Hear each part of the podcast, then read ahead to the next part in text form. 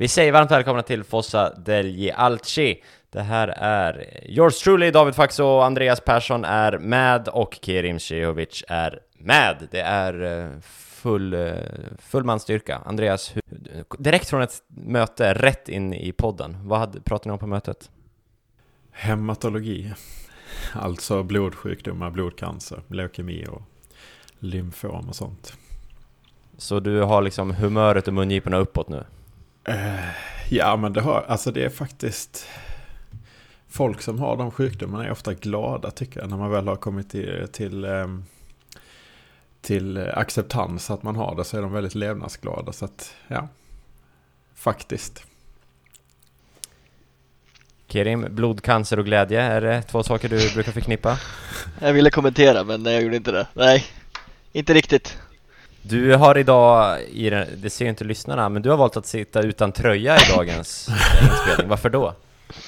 Alltså jag, jag sitter nu, det är ju, jag har en inglasad balkong Så att sitta ute på balkongen och jobba är jäkligt skönt um, Så, ja Så sprang jag in här nu bara snabbt för att spela in det här lunchavsnittet då Så därav eh, får ni njuta av mina, mina bröst men vi har ju suttit i 22 minuter och väntat på att Andreas cancermöte ska ta slut. Du har ju hunnit ta på dig tröja. Ja, men jag vill ju flexa.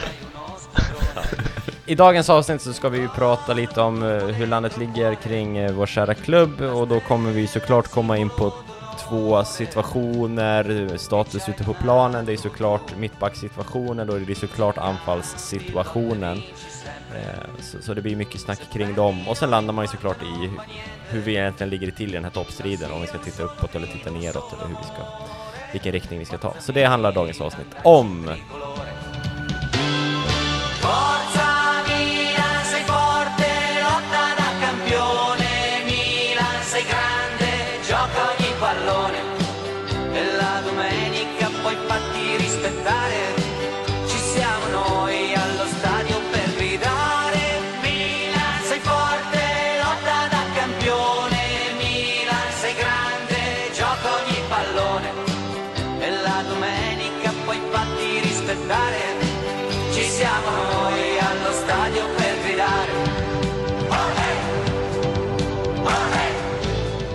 Senast så blev det 1-1 mot Udinese. Jag hade fotbollsträning, för jag är numera fotbollstränare i världens bästa division 6-klubb och valde således att titta på matchen efter träningen utan att veta om resultatet. Så jag satt från, valde att starta matchen vid halv elva någon gång.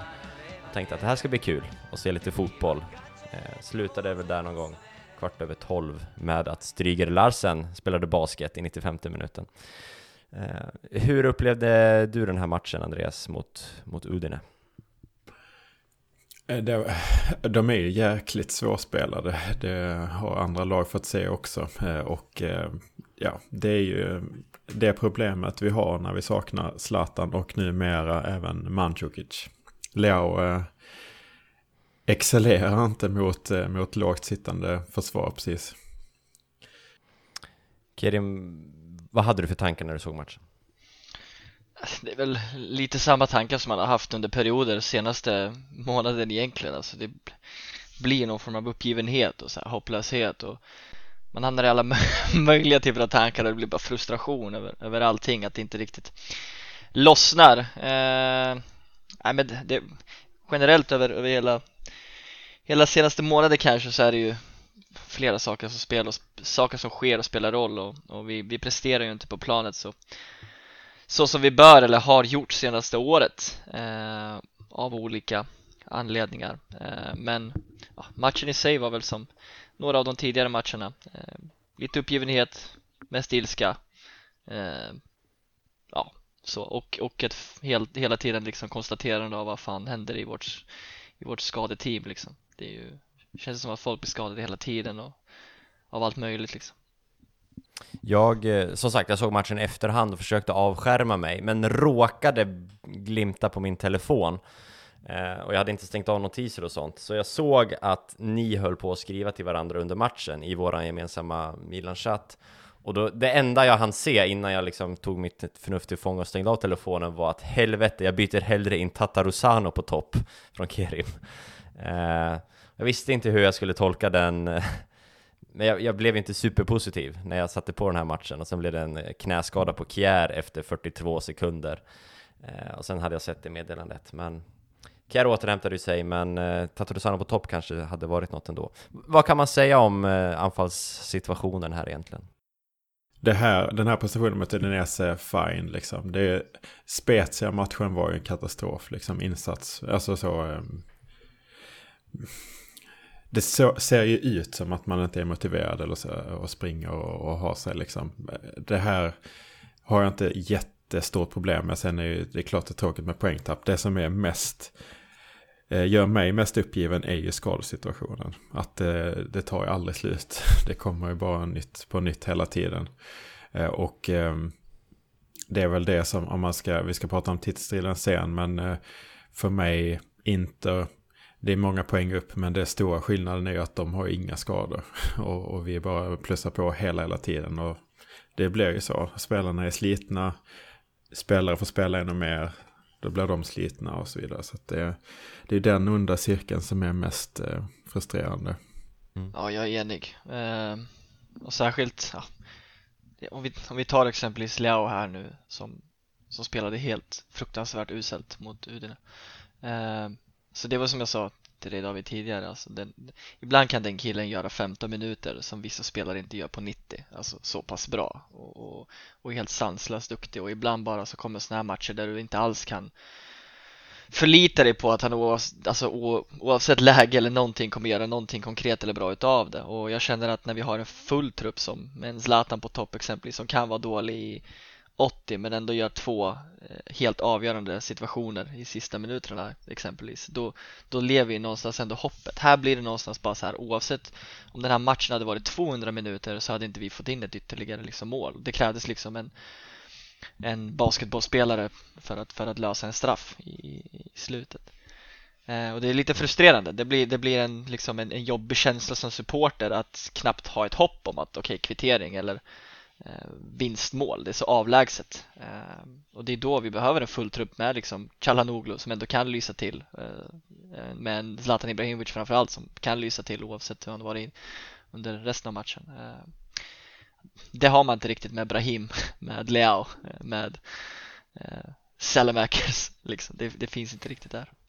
Nej, och, och just Alltså det blir så tydligt, framförallt mot de här lågt stående lagen och Udinese var väl kanske det mest extrema vi har mött den här säsongen. Och, och då är det ju att alltså plan B finns inte. Dels på grund av att vi inte har material egentligen för att ändra om så jävla mycket och, och dels känns det lite fyrkantigt från Pioli, men samtidigt vad skulle han ha gjort egentligen? Eh, min första reaktion är så här, agera Pioli. Eh, men han, han kunde bytt in Krunic istället för Brahim tidigare typ, eller alltså satt in Krunic på någon offensiv roll. Eh, folk skriker efter Hauge eh, och kanske, jag vet inte, men, men de senaste gångerna Hauge har kommit in, han är ju rädd för att spela fotboll.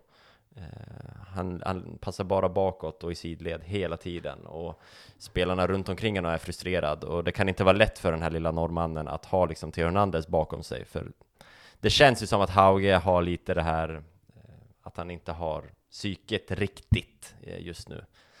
Alltså så här, han har kommit ner i ett självförtroende-dipp och svårt att ta sig upp.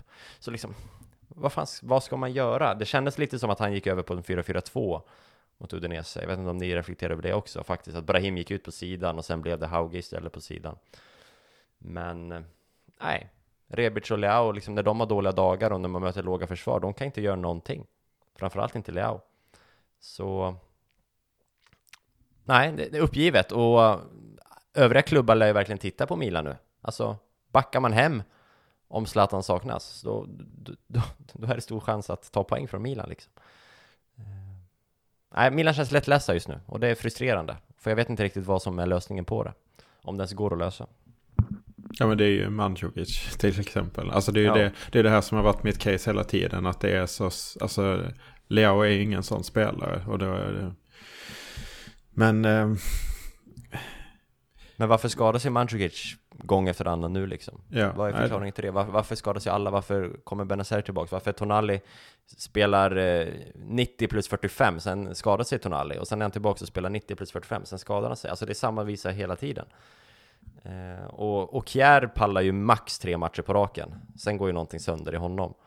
Eh, Tomori, som vi ska prata om strax, eh, startade ju inte, var, ja, varför han inte startade mot Udinese, men det sades ju att han var sliten. Han, vad hade han gjort innan? En match?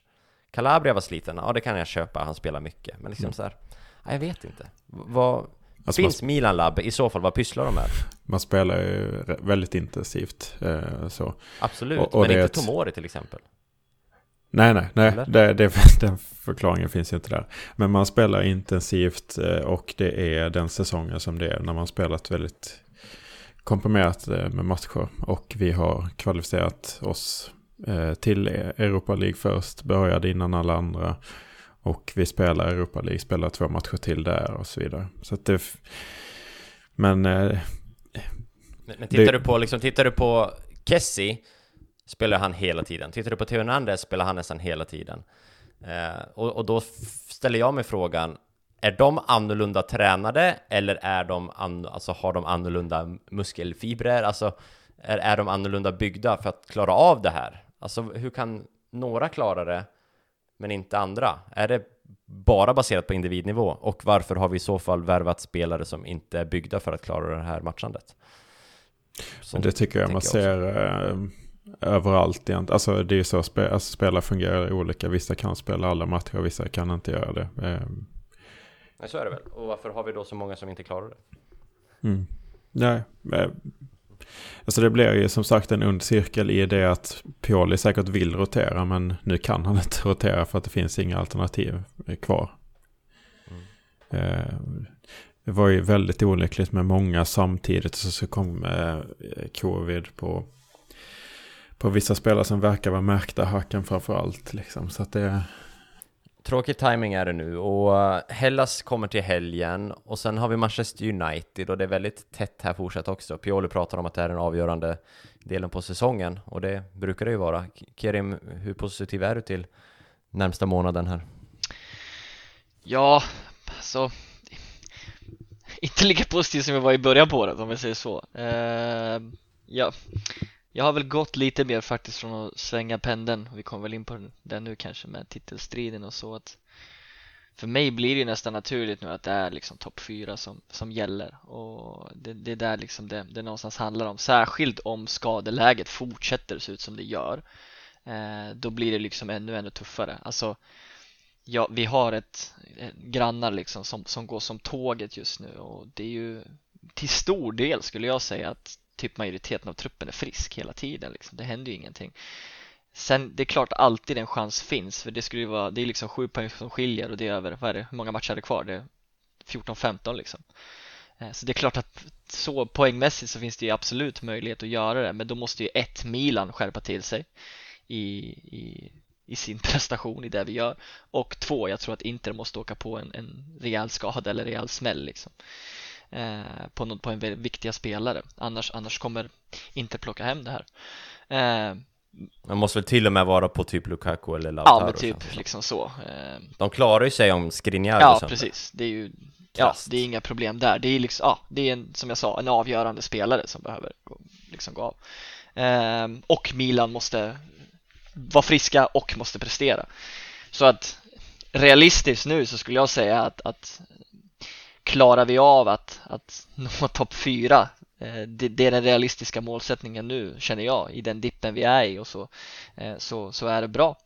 Eh, samtidigt försöker jag liksom blicka över och se det här helikopterperspektivet. Jag, det, alltså på Milan Twitter skrivs det ju otroligt mycket eh, att, att nu är liksom allt katastrof, allt är sämst, alla är sämst och spelare hängs överallt liksom hit och dit. Men vi måste ändå minnas att vi är tvåa, när var vi där senast? Vi har ett bra utgångsläge ändå. Eh, vi har gjort en jäkligt bra säsong över helhet. Nu den är inte ens slut utan det är väldigt mycket tid kvar. Eh, och det är normalt tror jag för lag att hamna i sådana här problem eller problematiska perioder.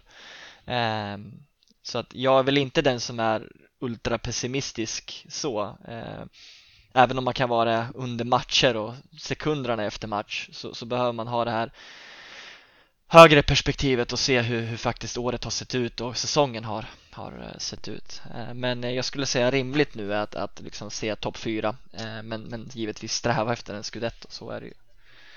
Och jag tror att den är rätt så viktig också. Nu är det, det var så jävla störigt med den här Udinese-plumpen och att Inter ta sig, ta sig igenom Parma till slut igår som inte alls var givet sett till hur den matchen ser ut. Men eh, innan det så, så, så, så är jag verkligen inte Inter som klara segrare. Nu är de ju stora, stora favoriter. Men, eh, men det är, för nu har de ju ett poäng eh, övertag som är i praktiken då åtta poäng i och med att de har inbördes eh, mot oss då. Men klart är det ju inte, men det ska ju, ska ju mycket till. Eh, för eh, jag ser också en så här skada på Lukaku. Alltså hade Lukaku skad, eh, spelat lika få matcher som Zlatan hade gjort så hade vi lett ligan. Det är jag helt övertygad om. Han känns mycket viktigare för dem än Zlatan är för oss på planen. de, och framförallt så kan inte Conte hantera, han är inte alls lika taktiskt flexibel liksom. Så hade inte haft samma skadesituation. Jag menar Benazer, vet ni hur många matcher Benazer har spelat? Fulla matcher liksom den här säsongen i Serie A. Nej, tio? Fyra. Oj, är det så pass? Ja. Så att hade liksom Barella spelat fyra matcher den här säsongen, eh, Lukaku inte gjort hälften av matcherna som Zlatan har gjort, då eh, hade läget sett väldigt annorlunda ut. Men eh, det är ju störigt. Alltså Inter spelar ju också rätt så intensivt och Conte kan ju ha problem med, med förslitningsskador och sånt ibland. Men han har ju det definitivt inte nu.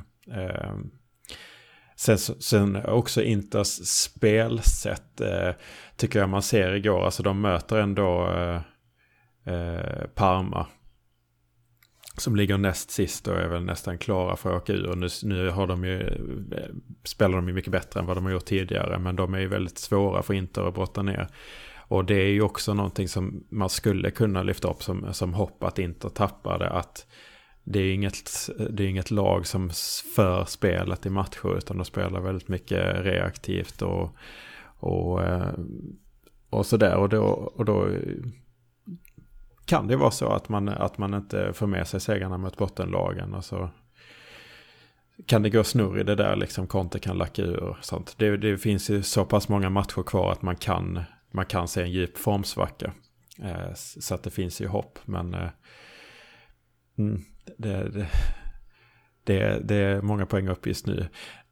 Jag tror att det är väldigt bra om man kan hålla även om vår målsättning är Champions League-platser, att man ändå är och nära på Inter så att man kan titta uppåt och ha den målsättningen istället för att bli rädd och titta neråt och, och tänka att ja, men vi, vi får inte bli av med den här Champions League-platsen. Jag tror att det kan göra skillnad på, på några poäng i slutändan, att man eh, jagar istället för att bli jagad så att säga. Ja, jag håller med. Och just nu så ska ju Milan vara ganska glada i att i att övriga topp 4 konkurrenter ju går ju inte superbra eh, allihopa. Juventus har ju hackat, Lazio har ju hackat rejält, Napoli hackar rejält, Roma slog vi senast, väldigt viktigt. Eh, så, så det, är ju, det är ju en stor fördel till Milan, vilket gör att man fortsatt kan titta uppåt. För så fort de börjar närma sig alltså rejält, då kommer Milan börja titta neråt tror jag. Eh, ganska mycket i alla fall. Och då blir det jobbigare. Så jag skriver under på det du säger där Andreas med, med den titta uppåt eller titta neråt diskussionen.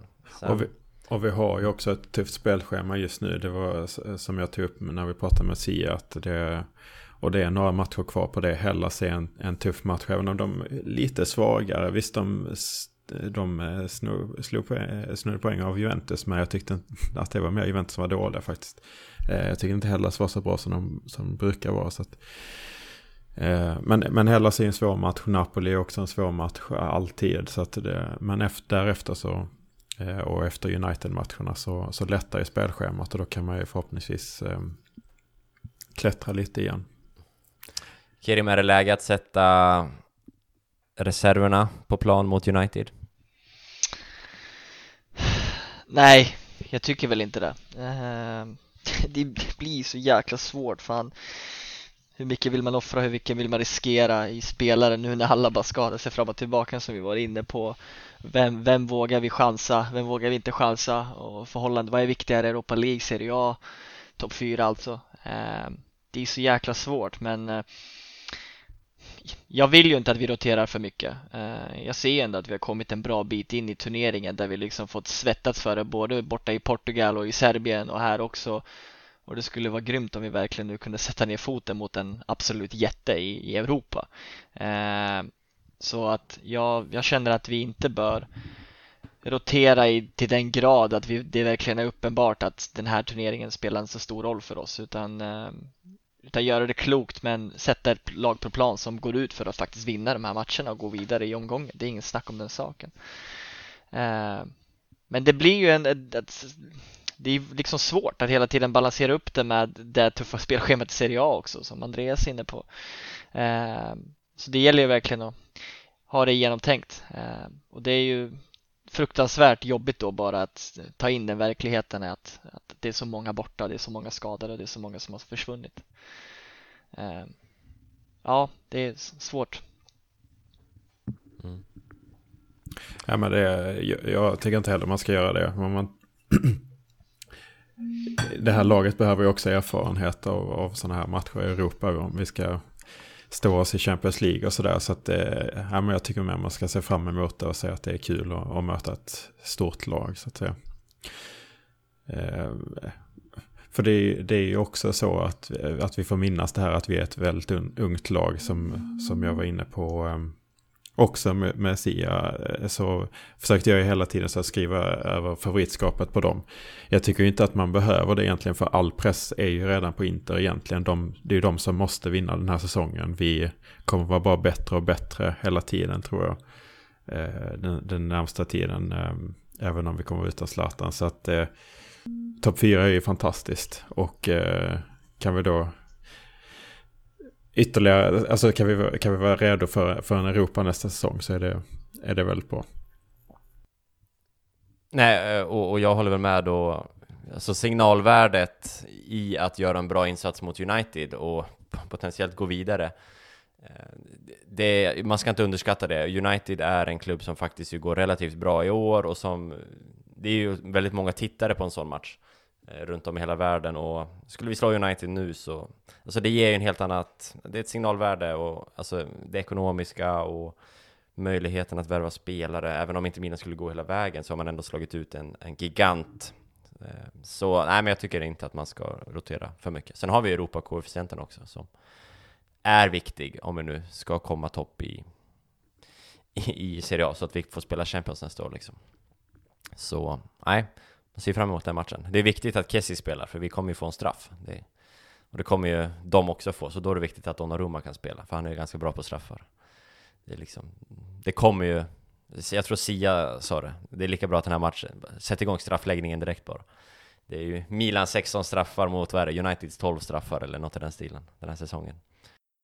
Lyckas vi nu ta oss förbi United ehm, och eh, vi lyckas sakta men säkert få tillbaka våra spelare ehm, så tror jag faktiskt Milan har en god chans att, att komma, alltså kanske till och med vinna, komma till final. Alltså jag, jag bara vi kommer upp i den normala form eh, som det brukar vara när vi spelar eh, så tror jag faktiskt att vi på riktigt kan utmana eh, där uppe. Jag tror inte det är för stora ord att säga. Eh, det gäller bara att vi hittar tillbaka och att alla är friska. Eh, ja, det, det är inte fy skam liksom att vinna Europa League. Det är ganska bra stort steg att göra även om det alltid varit lillebror såklart. Eh, så är det inte att underskatta. Eh, så att eh, ja, det skulle vara otroligt kul att se Milan i en EL-final trots utan publik och trots el och allting. Det är så pissigt att det är åttondel nu dock, att vi inte är i kvarten. Europa Leagues jävla upplägg med sextondelen, jag kokar på den. Alltså det, det kommer vara så, det är så många matcher till final. Vilket, mm, du säger att vi har chans om vi är skadefria. Kan vi vara skadefria med den frekvensen på matcher? Det har inte säsongen visat hittills. Ska vi titta på lite spelarinsatser senaste tiden? Milan, Milan, corre va, più nessuno ti fermerà. Milan, Milan, mondo intero può conquistar. Det har ju varit den största diskussioner om spelare på väldigt länge nu i, i Milan-lägret och det handlar ju om mittbackspositionen och de tre mittbackarna Chier, Romagnoli och Tomori och det blossade väl upp rejält eh, efter derbyt men jag vill minnas att Sia sa i det här avsnittet senast vi gjorde att han tyckte att Romagnoli skulle petas till förmån av Tomori. Vi sa han det i avsnittet Andreas? Eh, det minns Vi hade ju resonemang kring det, att han var väldigt långsam och sånt där. Där var vi väldigt eniga. Sen vet jag inte om man kom till eh, konklusionen att han skulle petas. Ja, jag vill det ändå minnas det. Jag ja. vill ändå minnas det. Så kan det ha varit. Med facit i hand och så vidare och så vidare. Men eh, vad tycker du om mittbackssituationen Andreas? Alltså där är jag inte helt övertygad om att han hade gjort det bättre egentligen Tomori. Men, eh, men eh, det får, vi inte veta. Men, men det, det, är ju väldigt, väldigt fint att ha en så snabb mittback. Eh, det såg vi flera gånger med Roma, vilken, vilken skillnad det gör. Sen är jag ju, tycker jag att kritiken mot Romagnoli har blivit alldeles för stor. Om man tar derbyinsatsen så tycker jag att han gör inte en mycket sämre match än, eller han gör inte en sämre match än vissa andra. Eh, faktiskt. Eh, Visst, det, det är misstag på flera av målen, men samtidigt Kjär gör det största misstaget av alla vid 1-0. Eh, visst, han räddar upp eh, situationen först, men sen eh, är positioneringen helt tokig. Jag vet inte om folk kommer ihåg det fortfarande, men Lautaro står ju helt, helt ren vid straff, eh, straffpunkten i princip och nickar in. Eh, och eh, Kjär är bolltittare. Eh, sen är det ju lättare att kritisera Romagnoli för han har varit svag under en längre tid. Eller i alla fall inte haft den utvecklingen som vi hade hoppats på. Och det har varit jättebra. Men i, i den matchen så tycker jag inte att, att eh, Romagnoli är så mycket sämre än honom. Eh, Kessi är också ett väldigt svagt derby tycker jag. Eh, han, eh, tappar, eh, han tappar ju Barella på, eh, på målen, alltså som föranleder målen. Och det är ju liksom det här att vi hamnade på det här jobbiga mellantinget. Pioli vågar inte att vi ska gå upp i press för att inte straffa oss, straffa just den typen av, av spel. Men eh, det ju något konstigt mellanting där man inte pressade men man pressade lite och så, så kunde man ändå ställa om på det och då hängde inte laget ihop och då blev ju mittbackarna väldigt sårbara. Eh, så att, att Romagnoli har svårt mot Lukaku när han får de lägena han får Ja, det, det, har han absolut. Eh, och det kanske är någon mitt, det är några mittbackar absolut i världen som hade gjort det bättre. Men, men eh, det hade varit svårt för väldigt många. Så jag tycker att kritiken där är alldeles för hård. Och jag tycker att konklusionen som vissa gör också är väldigt... Eh, eh, att, man, att man skulle liksom skeppa Romagnoli också är, är sned. Jag tycker man, man kan väl ha de här tre mittbackarna. Jag ser inte... Man kan ju spela dem i olika eh, matcher. Jag tror inte att Tomori... Jag tror att det är... Alltså, Chiaro Romagnoli kanske var det bästa mittbacksparet mot Udinese. Eh, de gjorde inte bort sig. Där hade vi inget eh, snabbt djupledshot som hotade. Eh, Tomori är ju ingen, eh, är ju inte eh, komplett på något sätt. Han har också rätt väldigt tydliga brister som man kan exponeras för i Italien. Att hans positionsspel är inte bra. Han, hans beslutsfattning är långt ifrån lika bra som Chiesa och Romagnoli. Så att de har ju olika styrkor. Problemet är ju att båda Chiesa och Romagnoli är långsamma. Men men eh, uppenbarligen har de kunnat lösa det i ett års tid och vi har gått jättebra. Så att det, det är inte någon, någon absolut sanning att man måste få in Tomori där från start, tycker jag. Kerim, du har ju varit lite mer vokal, i alla fall internt, i, i kritiken mot Romagnoli. Eh, vad tänker du om det Andreas säger?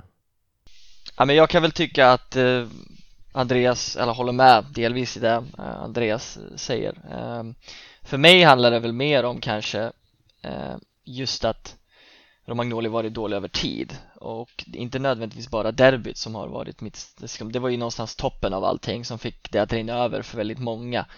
Eh, jag kan tycka att, att alla, eller majoriteten var ju dåliga i derbyt liksom. Flera, det var ingen som gjorde en särskilt bra insats. Så att bara Romagnoli ska hängas för liksom hela förlusten, det, det, tycker jag är fel. För det är lite där som har blivit att det är helt och hållet hans fel i den delen. Men det stämmer ju inte. Min, min kritik ligger ju mer att han hade varit dålig över tid. Eh, och jag tycker absolut inte att någon spelare ska vara immun mot, eh, mot kritik även om du är lagkapten, även om du har varit med i längst tid och så vidare. Så jag tycker han förtjänar kritik. Eh, men det gäller ju att bara lägga den på en, på en rimlig nivå liksom utifrån, utifrån faktiskt det som har hänt och, och det som har skett. Sen är jag väldigt imponerad utav eh, Tomori. Det är väl där också det ligger väldigt mycket. Han har gjort det otroligt bra i de matcherna han spelat. Mot Roma tyckte jag han var kanske bland de bästa på plan tillsammans med Rebic. Eh, och jag känner att han förtjänar en, en chans. Eh, kanske att han ska spela med Romagnoli där, jag vet inte. Alltså, det, det, någonstans tycker jag att han borde fortsätta spela för att han gör det så pass bra. Sen får man utvärdera och se över. Och visst, nu gjorde Romagnoli och Kjär det bra mot Udine, men, men jag vill ju att mittbackarna ska prestera när vi möter lag där de sätts under press. Det är då du liksom verkligen får möjlighet att skina och göra skillnad. Alltså, ja, Lukaku är jäkligt bra. Ja, och alla anfallare som vi möter i bra lag kommer vara jäkligt bra. Då gäller det liksom att veta hur vi ska hantera dem och hur vi ska jobba med dem liksom. Han blir ju bortgjord där flera gånger och det är ju det, är det som är lite tråkigt tycker jag eh, i, i, i den delen så att eh, ja, det är väl min ståndpunkt ungefär Anfallare är ju bra på olika saker också. Jag menar, hade Dzeko spelat mot Roma så hade jag hellre velat ha eh, Romagnoli och Kjär för att eh, det är en annan typ av, av eh, svårigheter man ställs inför då. Absolut. Så att, och där, där förstår jag då argumentet att Tomori kanske borde spelat den matchen istället för Romagnoli. Uh, det, det, ja, det som... Ja, du menar Ja, inte, precis. Eller? I det just den specifika matchen. Ja. Uh, sen, ja, Sen, det, det, det är såklart, det är som du säger Andreas, vi vet ju inte om det hade varit annorlunda men jag tror inte det hade kunnat bli sämre. Eh, så att jag förespråkar att Tomori får spela mer än, än vad han gör och trots att liksom Romagnoli är lagkapten så ska man kunna ha som ledare, tränare, eh, liksom, vad ska vi säga, modet att kunna bänka en som spelare också. Eh, jag, jag, jag gillar lite grann, jag tror det var Vicky som sa det i studion i Simor att Milan har ju kommit in i en ganska en kurva där liksom många spelare har blivit väldigt mycket bättre under, under en viss tid, det vill säga att de har fått en enorm utvecklingskurva uppåt. Eh, men där Romagnoli i en tid tidigare där många, där Milan kanske inte varit så bra, kunnat glänsa, inte gör det lika mycket nu och har inte riktigt kunnat hänga med i den utvecklingen. Eh, och det är väl lite det som, som jag upplever kanske har hänt, att många har dragit ifrån medan Romagnoli har, har varit kvar och inte riktigt lyft sitt spel i, i, i form av, av den samma kurva som Milan, hela Milan har, har tagit. Eh, och det är ganska intressant. Eh, ett perspektiv som jag tänkt på, och nu är jag så här, dålig på höger, vänster, mittback, hur viktigt är det och så vidare. Någon, ni kanske har bättre koll, eller ni som lyssnar har bättre koll. Men det är ju verkligen Romagnoli som har hängts här. Kjär, jag håller med dig Andreas, att i derbyt, ja, Romagnoli marginellt sämre än Kjär i så fall. Men alltså, Kjär har ju inte heller riktigt, han var ett monster för ett halvår sedan. Han är ju inte det längre. Jag tycker han är på samma nivå som Romagnoli senaste tiden. Över tid, som du pratar om Kerim. Alltså, och så här, ja men Romagnoli är långsam, pratas det jättemycket om. Kjär är fan ännu långsammare, egentligen. Eh, eller, sätt dem bredvid varandra på 60 meter. Jag lägger fan mina pengar på Romagnoli alltså. Eh, i, I Battle of the Turtles liksom. Så, så jag gillar ju Kär, jag gillar Romagnoli, men jag ser inte som liksom absolut nödvändigt att när vi har behovet av Tomori, att det är Romagnoli som ska sitta kvist liksom. För mig kan det absolut vara Kjär också. Sen visst, han har en bättre högerfot, en bättre uppspelsfot. Det finns säkert parametrar som väger in, men jag tycker Kjär har kommit lite lätt undan eh, i det här. Kjär är polare med Zlatan, eh, Kjär är äldre, Kjär är kanske bättre ledare, ganska, jag vet inte, men jag tycker det ska vara en diskussion på alla tre och inte liksom bara Romagnolis vara eller icke vara. Utan Kjär ska inte vara given just nu i alla fall. Nej, och det är lite det jag menar också. Och att det, man kan väl ha tre bra mittbackar. Och så, så all, alltså man behöver inte ha ett fast par som spelar alla matcher. Det kan man ju inte. Och Kea kan inte spela alla matcher. Eh, och ingen borde spela alla matcher. Man borde rotera. Eh, och, och vi har anpassat våra spel generellt eh, utifrån motståndaren rätt så mycket rent taktiskt. Då, då kan man också anpassa vilka mittbackar som spelar utifrån motstånd. Eh, så liksom vi har tre, de här tre som är bra, vi har buren där bakom. Det är väl en jättebra uppsättning. Sen har vi ju Kalulu som jag tycker har varit bra nästan ja, varje gång när han har varit mittback. Och Gabia är frisk. Han har varit frisk i en månad nu, om inte mer. Mm. Eh. Ja, det var otydligt. Jag, Gabbia betyder by, bur. Det är det italienska ordet för bur. Ja, jag trodde du menade... Det, det, är, ett, det är inte household. Det är inte household, kommer jag på. Jag trodde, att, det, det var, jag trodde att du menade han som vaktar buren. Det vill säga... Ja. Eh, Ja, nej, det var, det var väldigt otydligt. Men eh, eh, Gabbia pratade man mycket om när Mourinho var i Inter. Eh, att man placerade Messi i buren. Liksom Gabbia pratade man om då. Eh, men det, det, har väl inte spritts till Sverige på, så att det är household riktigt. Men det var hur, hur man eh, raderade ut eh, eh Messi i Champions League 2010. Du är ju också våran culture hipster i den här trion. Så du får slänga dig med sådana uttryck. Ja, nej, men jag, jag, tycker att det är en väldigt fin mittbacksuppsättning och, och jag tycker inte att man måste ställa dem mot varandra nödvändigtvis utan de kan anpassas utifrån motstånd. Mm. Och, och Tomori måste ju lära sig också han, och det kommer han ju göra. För vi har sett, nu har inte det, han har, han har varit ute och svängt rätt rejält Tomori och, och det har kanske inte exponerats eh, på det sättet att det har blivit mål efteråt och då kanske det inte uppmärksammas lika mycket men han eh, han är mer aggressiv och Han har ju brister. Mm. Ja. Och jag tycker man såg det framförallt i början. Jag tycker att han går åt rätt håll. I, att han, mm. att han liksom bromsas och stannar mer kvar inne i boxen liksom. Så ja. Sen ska vi ju... Sen det ju, alltså, ska man använda honom så... Ja, han ägs ju inte och ska man köpa ut honom för 28 och så vidare och så vidare. Det är en diskussion man behöver ta senare och som väl förs just nu. Jag såg att eh, Masarra eh, var ute och sa att han var dyr liksom. Att ja, vi försöker, men han är dyr erkänner de mm. liksom. Så. så det är väl inte helt givet att han köps loss heller och då är frågan, ska man spela med honom i slutet? Det kanske man ska för att det kan vara värt en Champions League-plats och så vidare. Men ja, vi får la se. Jag tänker att vi ska runda det här avsnittet med att eh, prata om Vagabonden. Eh, som han väl sjöng att han var igår. Io Vagabondo heter låten va? Eh, och det... Det var väl de två orden han eh, sjöng ja. inom citationstecken i hela låten. Har du sett insatsen Kerim? Nej, jag har faktiskt inte gjort det. Jag har bara sett han stå i sina fina kostymer och sådär, men eh, inget annat.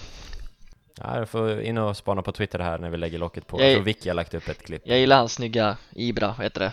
Bröstplatta eller vad det var. Ja, den han hade i, eh, i eh, Sanremo-premiären Precis, så, att säga. så är det. Ja, han fick ju nia i Gazettan för sin insats i debuten, femma för klädseln såg jag. Så den eh, Gazettans redaktion gillade ju inte den Ibra-klädseln. Ja, skadad är han också enligt utsago. Eh, Kerim, eh, första är han skadad eller är det en grej han gjorde nu inför eh, det här? För att slippa spela match? Ja, jag vet inte vad jag ska svara på den. Jag vägrar ju tro att man vill fejka skada eh, för att, för att slippa liksom kritik eller vad, vad det nu kan gälla. Eh, men är det en skada så kommer det väl lägligt eh, på något sätt. Ja. ja, jag vet inte. Zlatan han är ändå din husgud. Ja, jag vet. höra vad du verkligen tycker om det. Det är därför jag resonerar och tänker ganska mycket om hur jag ska uttrycka saker och ting. Men Ja, jag kan, ja, men jag kan väl hjärtat. vara delad i den tanken kan jag känna. Jag tycker det är ganska dåligt att han gör det här som han gör nu eh, med festival och Sanremo och allt det här. Jag kan tycka att det kommer i en väldigt kritisk period och om man ska kritisera LeBron exempelvis och inte göra andra saker så, så ska man väl inte göra det själv tänker jag.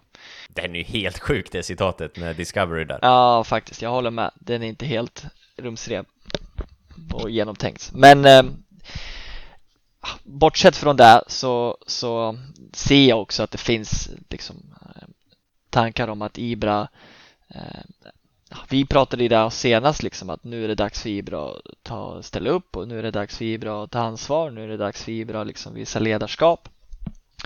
Och det tycker jag han har gjort till majoritet av hela säsongen. Jag är fortfarande av den tanken att anledningen till varför den här vändningen ens påbörjades, skedde, fortfarande sker, är på grund av att Ibra kom in i laget och förändrade eh, egentligen i stort sett hela truppen och allt, allt mentaliteten som är med. Eh, men sen också är det ju viktigt, känner jag, att Ibrahimovic inte alltid kommer vara där. Ibrahimovic kommer inte alltid finnas med dig och hålla dig i handen i, i allt det som sker och händer. Så de som skriker om att mycket av den här kollapsen är på grund av Ibra, att han är oseriös, att han gör det här, de tycker jag har fel. Eh, jag tycker inte att man kan förvänta sig att eh, av proffsspelare att det alltid ska finnas, finnas som sagt en Zlatan i ryggen som hela tiden ska ryggdunka i allting som händer och sker utan någonstans så måste man kunna själv ut och prestera och göra sitt jobb och liksom spela den fotboll som man ska spela och som krävs av dig för att kunna spela i, i en klubb eh, som Milan. Och det ska inte alltid behövas någon som står där och ryter och skriker och säger åt dig hur du ska springa, hur du ska röra på dig eller vad du ska göra eller, eller någon som eldar upp hela tiden i omklädningsrummet. Alltså jag tror inte riktigt det, man kan förlita sig på, på de olika sakerna hela tiden utan eh, att, att Ibrahimovic har varit dålig eh, den här senaste perioden beror ju på att alla andra har varit dåliga också. Alltså han blir ju bra när de övriga också är duktiga och presterar.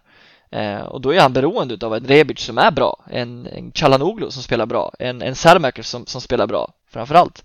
Eh, för att själv kunna liksom prestera och eh, även om det kollektiva ansvaret ligger mycket i att liksom se till att alla gör det bra såklart så ligger det väldigt mycket i en individuell prestation också. Att du måste själv kunna inse att ah, men fan, det här är dåligt, det här är bra, jag måste göra något annat, jag måste positionera mig annorlunda eller jag måste ja, hitta nya ytor eller vad det nu kan vara för någonting. Eh, det är ju inte någonting som kan ligga på Ibra enbart utan det måste ju alla andra liksom eh, kunna göra själva. Eh, ja, men, men, men återigen, det är två delade saker som jag tror man måste hålla isär eh, i, de delarna. Jag tycker ju att laget har ju visat att man kan spela bra utan honom eh, med tanke på att han gör typ 6-7 matcher på hela första halvan av säsongen när vi går som ligaledare till, till halvtid så att säga. Eh, men det är ju liksom det han får så mycket cred för eh, är ju för att han bidrar med mycket utanför planen. Och eh, det är ju ny, ett ungt lag behöver stöd av de erfarna spelare som finns, alltså Kjär och Zlatan till exempel. Eh, och, och, jag har svårt att säga att man kan ge så mycket cred till Zlatan att han, att han finns där nu när han inte eh, finns där. Eh, han är inte på plats och han, han lämnar laget i den här tiden. Han verkar helt ur balans tycker jag. Eh, och presterar inte ur, den här tiden i med rött kort, i och med missade straffar, dåliga prestationer på plan. Eh, och sen så, eh, ja men den här kritiken mot LeBron. Alltså det är så många saker som, som hopar sig. Som, som, gör, som gör att jag, jag, jag, det är så många gånger nu som man har hört alla resonera kring att ja, men nu kommer Zlatan resa sig och visa alla som tvivlar eh, att, att eh, han är bäst liksom. Eller att, han, att man har fel som kritiserar. Men det borde han ha gjort för väldigt många matcher sedan nu. Eh, mot Roma spelar laget väldigt bra. Eh, eller i alla fall skapar väldigt mycket.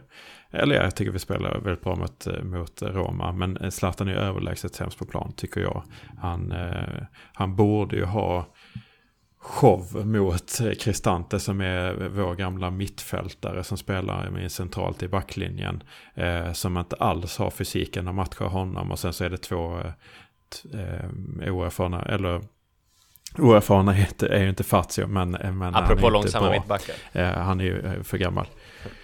Han är, ja, precis. Så att eh, det, det var ju oerhört svag backlinje och Zlatan får flera lägen och, och borde ha skapat mer på egen hand och bränner lägena och så har han bränt straffarna och så vidare och så vidare. Mm. Alltså frågan är, alltså om det fortsätter så här, ska man ens för, förlänga med honom? Jag börjar fundera på det. var en krönika ute i den rosa tidningen, Gazettan, som sa att tack och hej för allt Ibra, men nu får det vara nog. Typ. En krönikörs åsikt, absolut. Men äh, jag börjar också gå i de tankarna nu. Och, och vad vill Zlatan själv? Eh, alltså att han prioriterar Sanremo mitt under säsong. Eh, finns väl många anledningar till det och lönekuvertet är säkert enormt. Så att det finns väl ingen annan som hade tackat nej heller, kanske. Men var har han fokus? Vad vill han egentligen göra? Vill han vara fotbollsspelaren eller vill han vara affärsmannen och showmannen som han ju är? Eh, han trivs ju där på scenen, annars hade han ju faktiskt inte tagit det där. Så mm, vad, vad är hans fokus egentligen? Vad vill han? Jag håller med. Jag, jag, I vissa delar. Jag, jag, tycker också att han inte borde gjort det här uppdraget. Men det är lätt för mig att säga och sitta här. Eh, men jag håller inte med om att han lämnar laget i sticket. Det, det tycker jag inte. Jag tycker att han, även om han är med i det här så, så liksom, ja, han är ju på plats mot Udine exempelvis. Den, jag måste ju, bara säga det, jag är faktiskt förvånad att han var på plats igår. För det, ja, ja. ja men det är det, han, han finns ju på, ändå utanför i det här som vi pratar om nu. Han finns ju med runt laget ändå i stor majoritet och jag tror han är inte längre än ett telefonsamtal bort från samtliga spelare tror jag. Så att jag håller inte riktigt med om att han lämnar laget i sticket. Men däremot som du säger Andreas, laget har presterat bra under perioder utan Zlatan. Eh, men, men eh, det är nu när det går dåligt som helt plötsligt är, ja Zlatan vart är du någonstans? Nu, har laget, nu är laget sämst, nu är laget keff, nu är det din tur att liksom resa dig och gör, ta ditt ansvar. Och det är ju skitmycket att lägga på belastning på bara honom. Och jag tycker han har varit jäkligt bra ja, under men... tidigare själv också, alltså hur han har presterat, gjort flest mål eh, och så vidare och så vidare. Så att eh, ja, i vissa delar håller jag med, i andra håller jag inte alls med. Ja, det beror ju också anledningen till att, man, att han får så mycket, han får ju oproportionellt mycket kritik kan man ju tycka, men det är ju han själv som, det är han själv som öppnar upp för det genom flera olika saker. Dels så, så lyfter han ju fram sig själv som den absolut största spelaren så, alltså i Milan. Han, han, han säger att han är gud liksom och, och att alla andra är Eh, alltså han, han målar upp sig själv som en absolut nyckelspelare i sig. Så då, då har man ju en fallhöjd i det. Men det är ju också allt skit han håller på med som Sanremo. Alltså ska du hålla på med Sanremo då måste du steppa upp och leverera. Annars kommer du få väldigt mycket kritik. Men det gör han ju inte. Uh, och att han, han lämnar ju faktiskt laget i stick. Alltså han lämnar ju laget fysiskt för han är inte på plats tre dagar i rad tror jag var det den här veckan där han tränar på eget, uh, uh, egen hand och sen så kommer han in på, till match liksom. Eller det var tanken från början, nu är han ju liksom väldigt lägligt skadad också det, det är ju väldigt, jag tycker att det är väldigt oseriöst att, att inte vara med på någon träning inför match, liksom de två, tre dagarna innan. Utan träna på egen, eh, egen hand och sen flyga in till, eh, till matchstart. Liksom. Jag kan väl skilja lite på det här, alltså jag tycker inte det ska krävas att Zlatan är på plats en vecka för att man ska vinna mot Udine. Eller för att man ska göra liksom en, en någorlunda bra insats. Liksom, jag, jag, jag ser inte hur det kan påverka den stora bilden så pass mycket att man bara liksom går ner sig helt och hållet. Eh, så att ja, nej, jag, jag håller inte riktigt med i den delen att, att det är han som bär det ansvaret för att man kollektivt spelar dåligt. Det, det ser jag och jag, jag, ser inte hur man kan måla ut bara den här situationen som Sanremo som en väldigt stor anledning till det. Det, det är för mig inte rimligt. Eh, men jag håller med om alltså att jag själv kan uppleva om att han är i, i någon form av obalans själv eh, i och med sina konstiga uttalanden och de individuella beslut han tar då, genom att sticka. Eh, vart ligger liksom fokus, vart ligger målet? Och det är absolut en, en diskussion att föra om eventuell förläggning med honom. Men jag tror man ska skilja på de sakerna. Det handlar ju om signalvärde också. Det handlar inte bara om Eh, att, att han faktiskt är på plats. Eh, men det, det, jag tycker inte det ska, att den diskussionen ska finnas. Utan spelare ska ju vara tillgängliga liksom. Eh, när de får betalt, tycker jag. Ja, jag, jag är enig. Jag är, men, enig. jag är enig. Jag är helt enig i det. Men jag tror att det förklarar inte att andra spelare spelar jäkligt dåligt. Och liksom, det, det ser inte jag. Att som ett samband. Nej, eh, men alltså så här, min five cents här är ju, ska man ta cred för, för lyftet så, och cred och ansvar så får man också ta ansvar nu när det går dåligt. Alltså, för, för, ja, och han sa ju det igen i den här samma LeBron-intervjun, jag såg ju hela den intervjun, så sa han det igen att jag kom in här och, och laget fanns inte, men tack vare mig så, så tog, vi, tog jag dem till toppen. Alltså han säger det igen under en svacka, och sen dagen efter så sticker han till San Remo, sen kommer han tillbaks till San Siro. Eh, och sen igår åkte han motorcykel till San Remo. Såg ni det? Det kom precis här innan podden. Liksom, han hoppade och lyfte med någon jävla supporter. Säkert en PR-grej, men... Eh, åkte hackad ja, eller? Alltså, han, han, åkte inte, han körde inte ens själv, utan han satt ju bakom. Hörde ni den? Att han, han satt i en bil, han ja, satt han i en bil med någon mila. och så bad chauffören stanna bilen, jag är trött på att åka bil, gick ut, stoppade en MC-åkare och åkte bakom honom hela vägen till San Remo, eller sista biten Och han råkade vara Milans supporter, ja det är såklart en PR-grej liksom Och han gjorde säkert ja, det, men ah, alltså Nej, jag, jag är irriterad på eh, Zlatan. Jag, det är inte Zlatans fel att det går dåligt, men ska man ta ansvar för det positiva måste man ta lika mycket ansvar för det negativa. Så, så enkelt tycker jag det är, och det gör han inte just nu, utan han har svikit. Och har man den lönen som han har och den bilden han har så måste man göra det. Sen är inte det, jag håller med dig också Kim, det är inte anledningen till att det går dåligt. För Zlatan har inte varit sämst eh, senaste tiden, det har kanske andra varit. Men mm, det här är inte en kul sits och just nu vet inte jag om jag vill ha honom nästa år.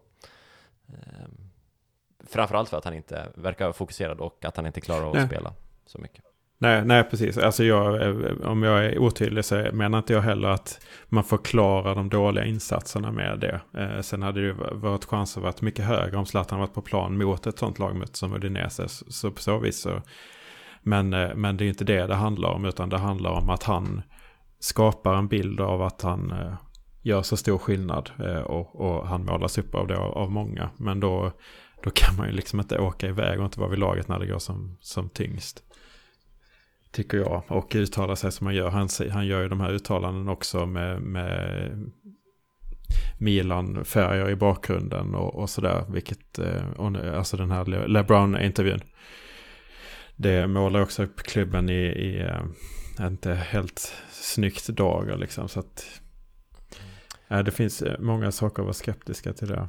Hörni, eh, man kan ju vrida och vända på Zlatan. Eh, jag vet att du Kerim måste gå och var tvungen att gå för egentligen två minuter sedan. Eh, så jag tänker nästan att vi faktiskt får lägga locket på här. Vi har gått igenom de bitar vi ska diskutera. Eh, toppstriden, vi har diskuterat mittbacksituationen, vi har diskuterat Zlatan och anfallsläget. Eh, så det här får bli no något kortare. Vi är uppe på 50 plus minuter här i, i min spelare i alla fall, så det är inte ett kort avsnitt, utan vi får ta det som så. Eh, och sen vill jag avsluta med att dra den här parallellen, eh, Zlatans LeBron-intervju. Såg ni hur LeBron svarade? Eh, han satt ju efter en match utan tröja, som Kerim! Som Kerim. och svarade. Eh, och även Kerim, du har, du, har, du har utvecklat din fysik de senaste, sen jag lärde känna dig, men du har en bit upp till LeBron. Så det är bara, ta dig till gymmet nu. Och några tatueringar också kanske, jag vet inte. Och tatueringar också, mm, precis. Så får det bli. Hörni, bra snack idag. Tack för idag. Tack. Tackar. Och eh, ja, vi hörs när vi hörs, vi som lyssnar. Hör av er på Twitter om ni vill något. Ciao! Ciao! Ajöken, ciao.